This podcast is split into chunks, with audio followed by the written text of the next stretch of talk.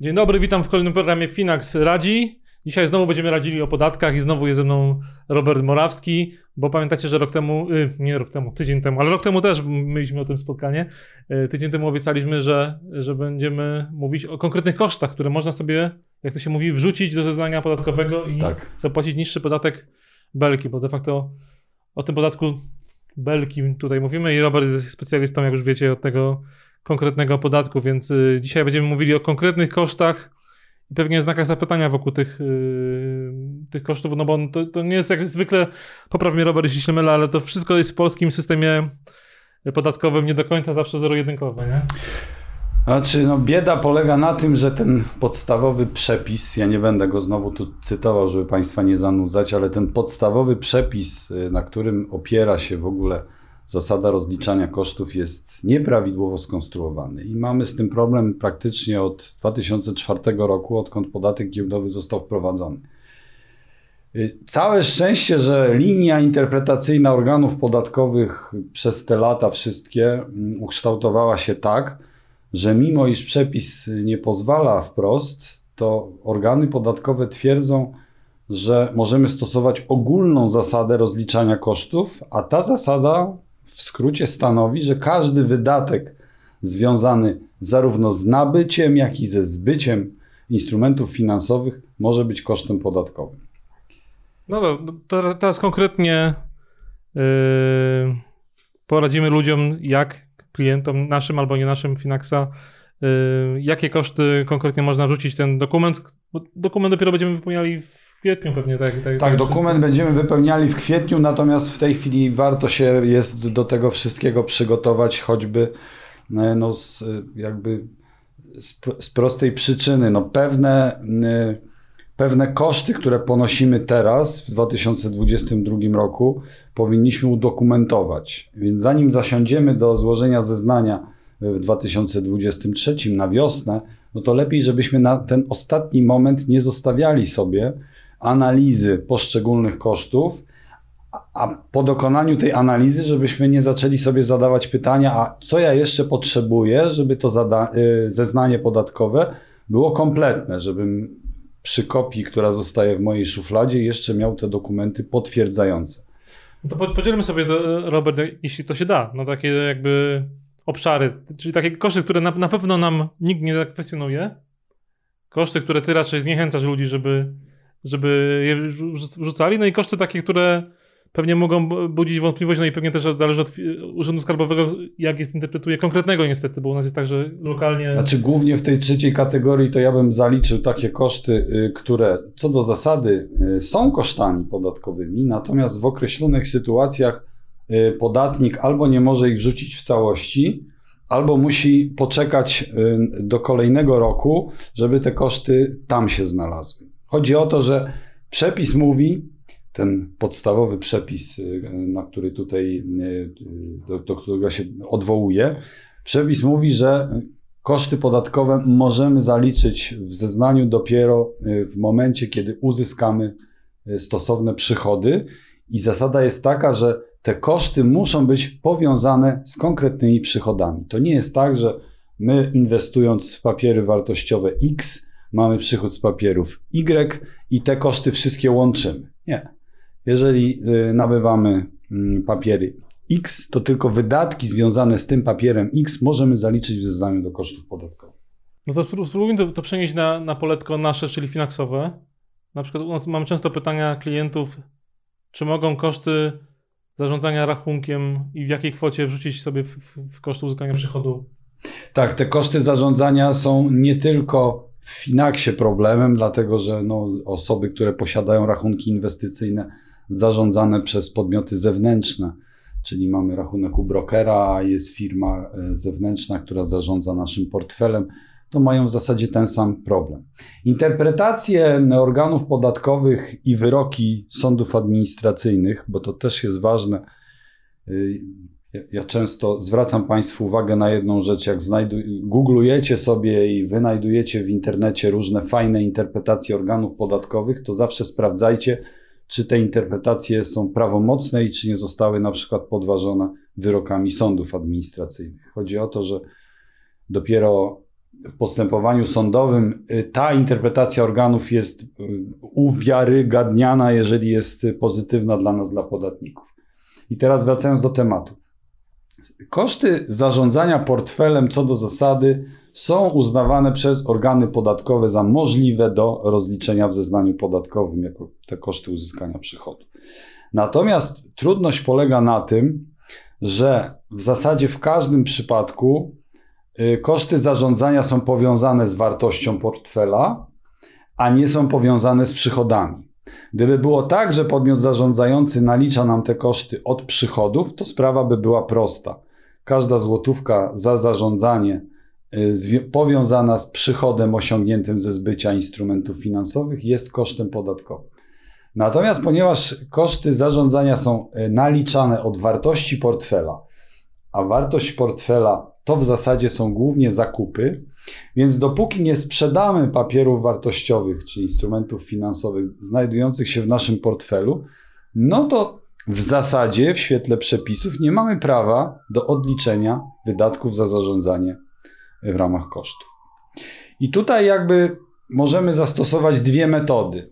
Metoda pierwsza, można powiedzieć, bardziej w duchu przepisów, to byłaby taka metoda, gdzie w każdym roku podatkowym ustalamy sobie wartość kosztów y, zarządzania, następnie liczymy proporcje y, w stosunku do przychodów osiągniętych przez nas na rachunku, tak?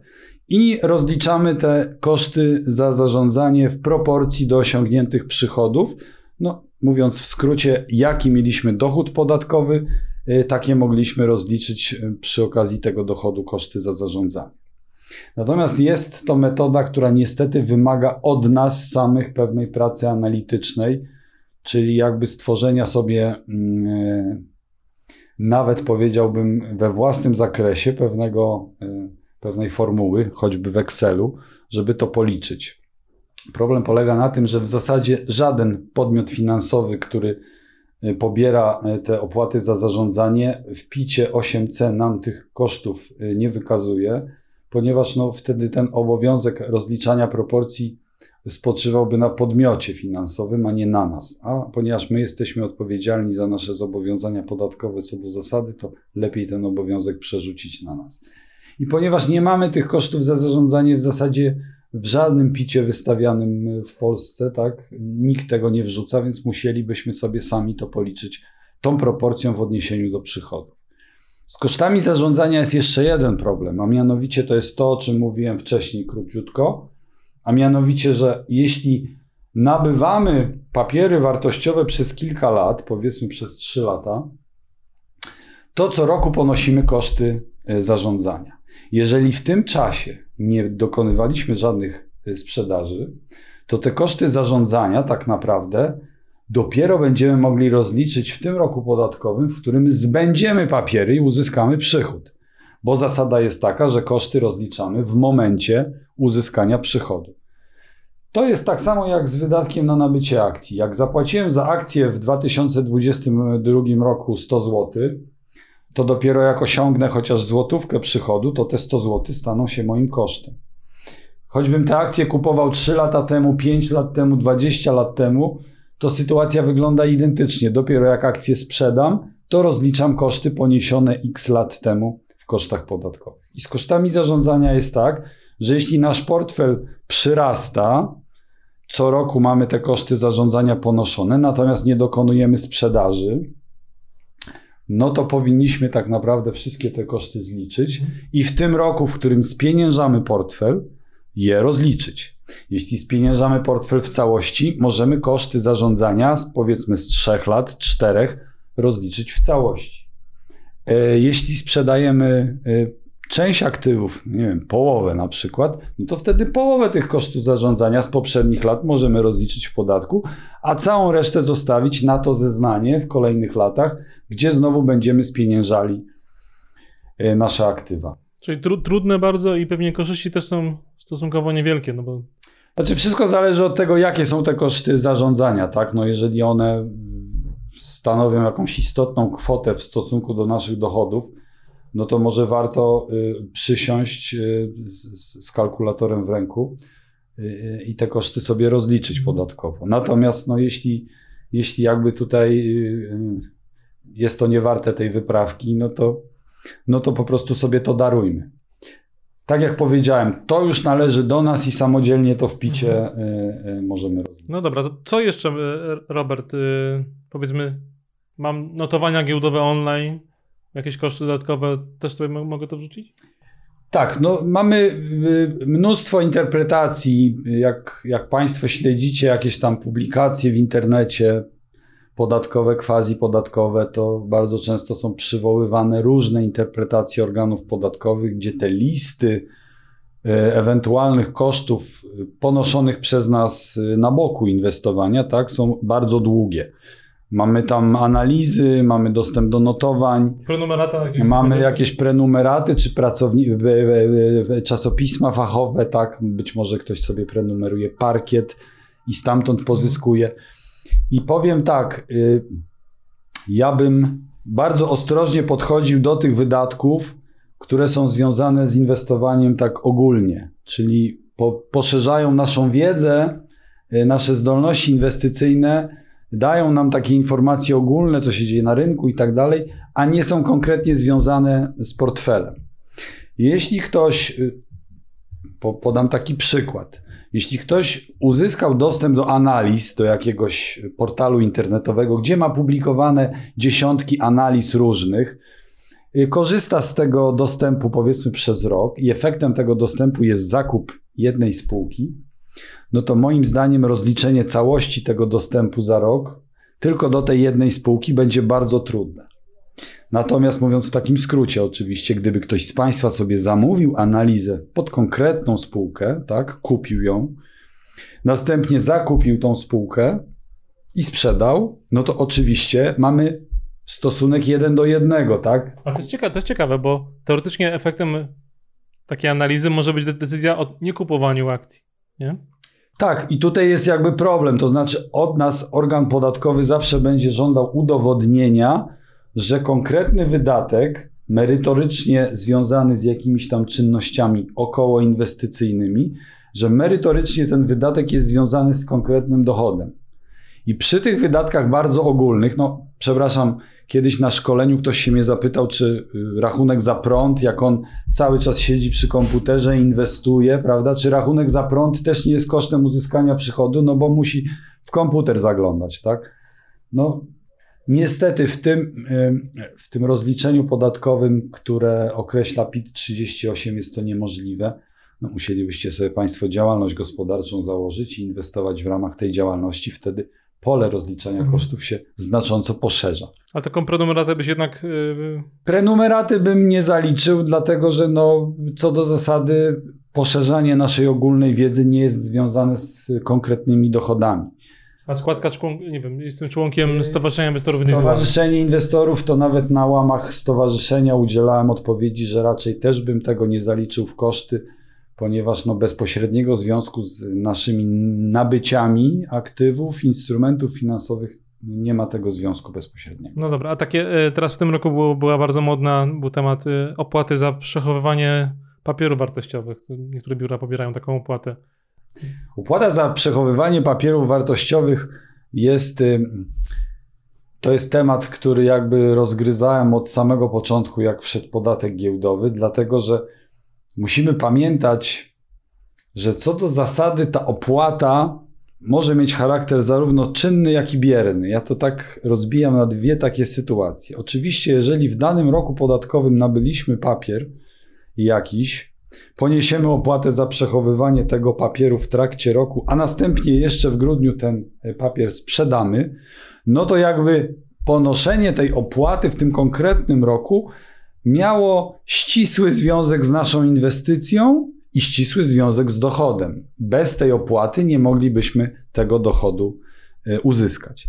Natomiast problematyczne staje się to w momencie, kiedy my w sposób bierny przechowujemy papiery wartościowe latami, a następnie dokonujemy w jednym roku podatkowym tej sprzedaży. Tak? No tutaj powstaje pytanie, czy ta opłata była konieczna do uzyskania tego dochodu w ostatnim roku, czy nie. Większość interpretacji mówi, że opłaty za przechowywanie są kosztem uzyskania przychodów. Natomiast ja bym tutaj troszkę przestrzegał. To znaczy, w tej sytuacji, kiedy jesteśmy takim inwestorem biernym i tą opłatę ponosimy, to bym się zastanowił, może nawet wystąpił o interpretację indywidualną samemu, żeby urząd mi potwierdził, czy ja mam prawo za te kilka lat przechowywania papierów taką opłatę wrzucić w koszty w roku, w którym dokonywałem sprzedaży. No dobra, teraz podjęliśmy takie ryzyko i chcemy ten koszt jakoś tam uwzględnić. Jak udokumentować taki koszt, że faktycznie to, to mam do tego prawo, gdyby nagle kontrola tak, przyszła? Tak, bo pamiętajmy, że jak już wypełnimy to zeznanie, no zwykle każdy z nas po wypełnieniu zeznania, czy wysłaniu w formie elektronicznej zapomina o tym, co tam się wydarzyło, zapomina o liczbach i tak dalej, a tak naprawdę powinien sobie założyć jakąś taką małą teczuszkę, w której zgromadzi wszystkie niezbędne dokumenty. Oczywiście, jeśli ktoś wypełnia PITA 38 wyłącznie na bazie PITów 8C, no to w zasadzie do momentu jakiejś poważniejszej kontroli podatkowej y, nie musi gromadzić żadnych dokumentów, a jeżeli już ta kontrola będzie, to wszystkie dokumenty uzyska z instytucji finansowej, która mu PITA 8C wystawiła, bo to instytucja wtedy przedstawi pełną analitykę pod tego PITA 8C, którego Państwo dostaniecie. Natomiast jeśli w sposób aktywny wypełniamy PITA 38 i uzupełniamy koszty uzyskania przychodu o kwoty spoza PIT-u 8C, czyli na przykład nabywaliśmy analizy, ponieśliśmy wydatek, mamy dostęp do notowań online, byliśmy takim aktywnym graczem, który kupuje, sprzedaje, więc jakby też sobie chcemy to wrzucić, to wtedy musimy po prostu w tych podmiotach, w których nabywamy te, te usługi, z którymi są związane nasze koszty, musimy uzyskać dokument potwierdzający poniesienie wydatku.